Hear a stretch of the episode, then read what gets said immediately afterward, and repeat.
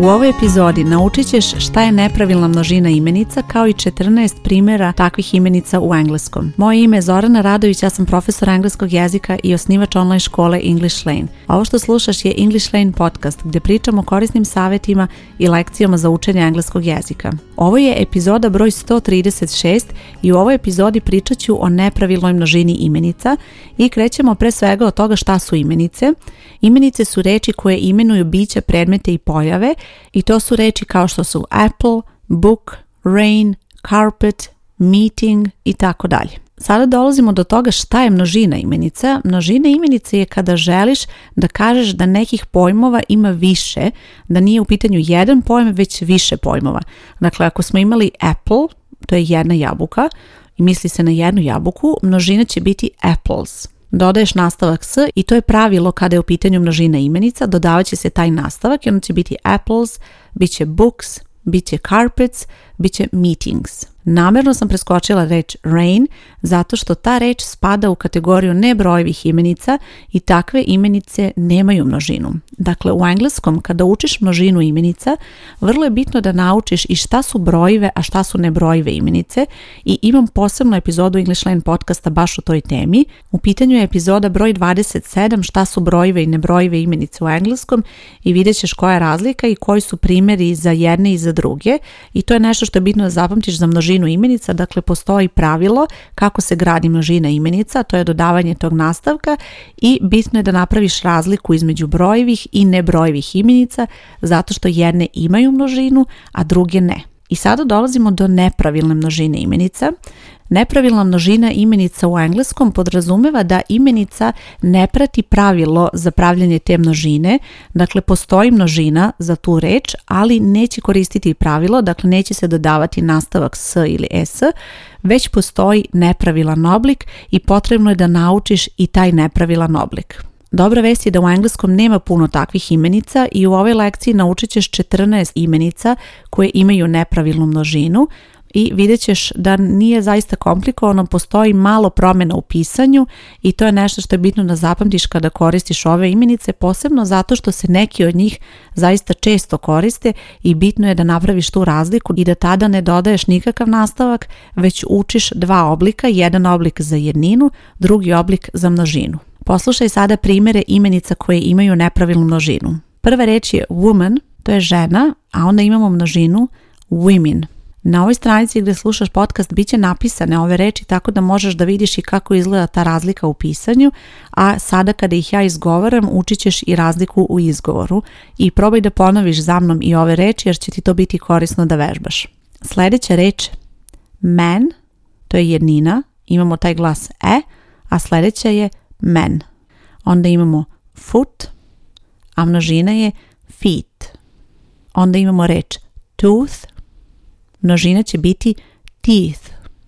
Sljedeća reč goose, množina je geese. Onda imamo reč knife, množina je knives. Life, lives. imat ćemo još nekoliko sada reći kod kojih f u jednini prelazi u slovo v u množini i sljedeća reč je wife, pa će množina biti wives. Sljedeća je calf, calves, leaf, leaves. Onda sada imamo reč mouse, množina je mice, imamo reč ox, množina je oxen, child, children i posljednja reč person, people. Ako možda znaš da postoji reč persons ili možda si recimo vidjela u liftovima da to piše, imaju vidu da postoji taj oblik reči, ali on se smatra formalnim i to je nešto što ćeš izbjegavati da koristiš u konverzaciji, već kada želiš da pomeneš jednu osobu, reći ćeš person, a kada pominješ više osoba, odnosno ljude, reći ćeš people. Ovo je jedna specifična situacija, zato sam i ostavila za kraj. Dakle, ako želiš da koristiš person, to će biti oblik u jednini, a za oblik u množini bolji izbor je reč people. Ovo nisu apsolutno sve reći kod kojih postoji nepravilna množina imenica, ima još par primjera, ali oni nisu sada trenutno bitni za tebe, posebno ako si na početnom ili tek počinješ srednji nivo, zato što to nisu reči koje ćeš tako često koristiti i to su reči koje su po nečemu specifične i onda kada učiš te reči naučit ćeš i tu njihovu specifičnost i zašto imaju taj nepravilan oblik. Recimo, kada su u pitanju imenice stranog porekla, onda postoji način na koji oni dobijaju nastavak. Primjer je reč analysis, to je jednina, a onda imamo analysis, to je množina vidjet ćeš i na ovoj stranici gdje slušaš podcast bit će napisane te reči, vidjet ćeš koja je razlika u pisanju, ali to su razlike i postoje nekada razlike recimo u britanskom i američkom engleskom. U američkom engleskom se reč za kocku die koristi u jednini, a dice u množini. To je nešto što je opet specifično za tu situaciju i to ćeš naučiti kada učiš te reči, ali to nije nešto što treba da učiš kao pravilo i nešto što ti je bitno kada učiš uopšteno nepravilo množinu imenica, već je ovo spisak koji ćeš koristiti i koji će ti puno značiti kada želiš da upotrebiš ove reči, posebno obrati pažnju na reči man, woman i child, to su neke od reči koje se uče na početnom nivou i vrlo je bitno da zapamtiš da su to reči koje imaju nepravilnu množinu i ono gdje se najviše greši zapravo je kod izgovora tih reči i e, nešto što treba da zapamtiš da imaju različiti izgovor za jedninu i množinu, da je recimo ovdje bilo child, I, pa je onda children u množini, i je sada glas.